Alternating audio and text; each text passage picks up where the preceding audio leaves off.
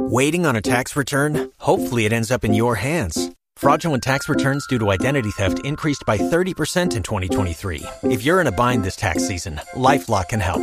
Our US based restoration specialists are experts dedicated to helping solve your identity theft issues. And all Lifelock plans are backed by the Million Dollar Protection Package. So we'll reimburse you up to the limits of your plan if you lose money due to identity theft. Help protect your information this tax season with LifeLock. Save up to 25% your first year at LifeLock.com slash aware. New York's very own muscle building coach Anthony Bevilacqua proudly present to you New York Muscle Radio. Are you a caffeine addict? I'm going to teach you today exactly how to use caffeine in pre-workouts to optimize your results in the gym. Far too many people rely on caffeine to do everything from getting up in the morning to plowing through their workout. But there's a specific way that you should be using it and I'm going to show you the formula today. So before we cover how to use caffeine in pre-workouts, first things first is we have to discuss the goal of this. The goal of this and the reason behind all of this is we want to get maximum results. We want to try to get as maximum results as we can from every workout that we do. But in order to do that, we need the least amount of caffeine to do that, or pre-workout or whatever. The least effective dose. Tylenol can cure a headache or it can kill you depending on how much you take. So we need to do the same thing when it comes to caffeine. Too much caffeine is not good. It impairs your sleep. It makes you nervous, gives you uh, increased anxiety. So it's not good to be taking too much caffeine. And if you're not sleeping enough, you're not going to get the results that you're looking for. So that's the goal of this, right? So let's also define some other things. So the optimal dose, what is the optimal dose of caffeine? Now again, these numbers are going to depend on the person. Every person is extremely different, but in a total for the day, you want to be consuming around 300 to 400 milligrams of caffeine per day. Anything more than that, and it's detrimental. And again, every person is different. If I took 300 milligrams of caffeine in a day, I would be wired because I've just trained myself to be reliant on as little caffeine as possible. Because you can actually train yourself to become reliant on more caffeine to get things done. And more is not always better, as we stated earlier. So in a total, in your, your pre-workout time, in that time frame of your pre-workout, you want to take around 100 to 200 milligrams max. There's people who take way more than that, but the diminishing returns that you'll get on anything higher than that is negotiable. It's like they're non-existent almost at that point. You're going to get the same amount of effect from taking 100 to 200 milligrams as you would from taking 300 to 400. It's not like if you double the dose of caffeine or your pre-workout, you're going to get double the results. It doesn't work like that. So now let's define how much of it is actually in one thing. So when I say pre-workout, I'm talking about a scoop and it's anywhere between 100 to 150 milligrams of caffeine per serving. Again, depends on the pre-workout, but as a general rule, that's where we're at. And coffee. Coffee counts as well, guys. Coffee is caffeine. In an eight ounce cup of coffee is typically around 100 milligrams. Now think about it. Some people have three cups of coffee before they even leave the house. That's even, forget pre-workout. That's enough to fuel the whole rest of the day. So that's the ranges and this is what you want to optimize for. Again, if you find yourself taking way more than that, then this video is perfect for you. So the way we do this is we have to get our bodies used to getting more out of less. So what we're going to do is week one is always going to be zero milligrams of caffeine.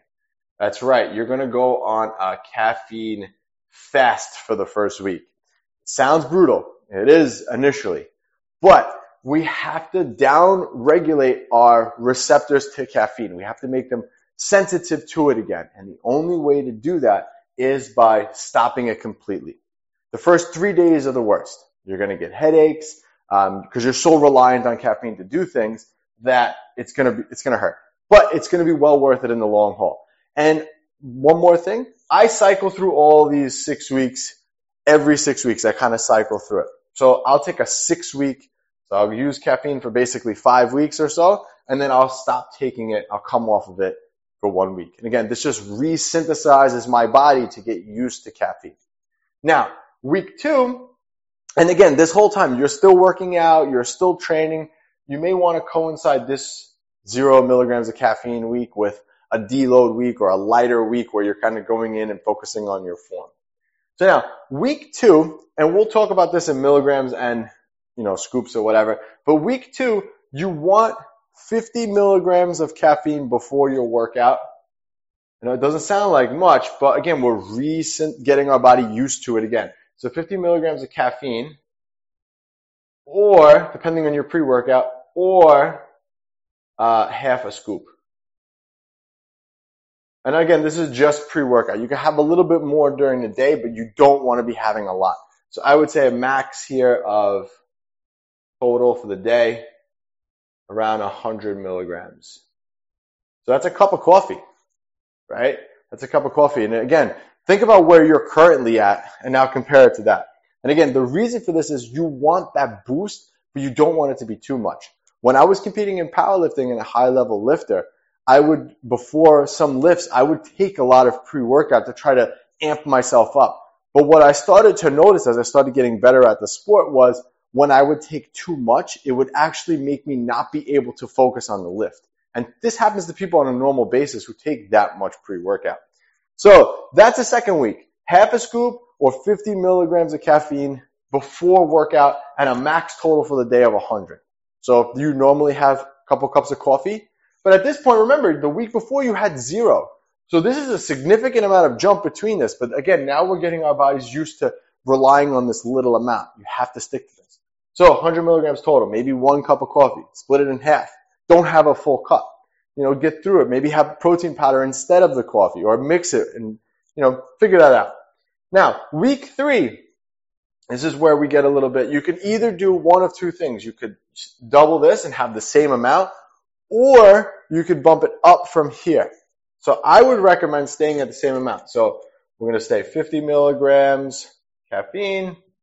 Again, just for ease of simplicity, this is about half a scoop of pre-workout or half a cup of coffee and 100 total for the day daily. Again, now at this point though, you should start to notice, you should start to actually feel like your natural energy coming back. Almost in a sense like, I don't really need the caffeine anymore. I'm not reliant on it. And that's the purpose of doing this, is to shut it down to zero. Now, week three, we're at 50 milligrams and 100 milligrams daily. Week four and five, you're going to bump this up again. So you're going to hit that same, that max threshold, which is going to be 100 milligrams pre-workout. And we'll give it around 200 milligrams total for the day. Again, you could play with these numbers and figure it out, but the point is you want to kind of cycle back between. Now, week six is going to be an optional week where you can either go zero or do another week here. So we're going to go another week here. 100 milligrams pre 200 total. And that's it. That's the formula for getting the most out of your pre-workout. Again, you need to cycle it because caffeine is an aid. And any performance enhancing substance, you need to be able to cycle through it so you don't get used to it. Again, you don't want to be reliant on caffeine to get out of bed in the morning. Oh, how many times I hear from people, oh, I need two cups of coffee before I even leave the house. That's really bad. That means you're reliant on that caffeine. And once you start cycling through this a couple of times, on the zero milligrams of caffeine weeks, and I'm talking about zero, I don't even have Diet Coke or anything that has any bit of caffeine in it at all those weeks. Like I said, the first couple of days are a little bit brutal because you've bumped it up here. But now when you take it down here, you'll start to notice by toward like the end of the week, you're getting a lot more energy. Like, wow, I can actually work out without it. So this is the formula. We're going to train our bodies to get the least, the most amount of results out of the least amount of caffeine as possible. You'll also start to notice an improvement in your sleep.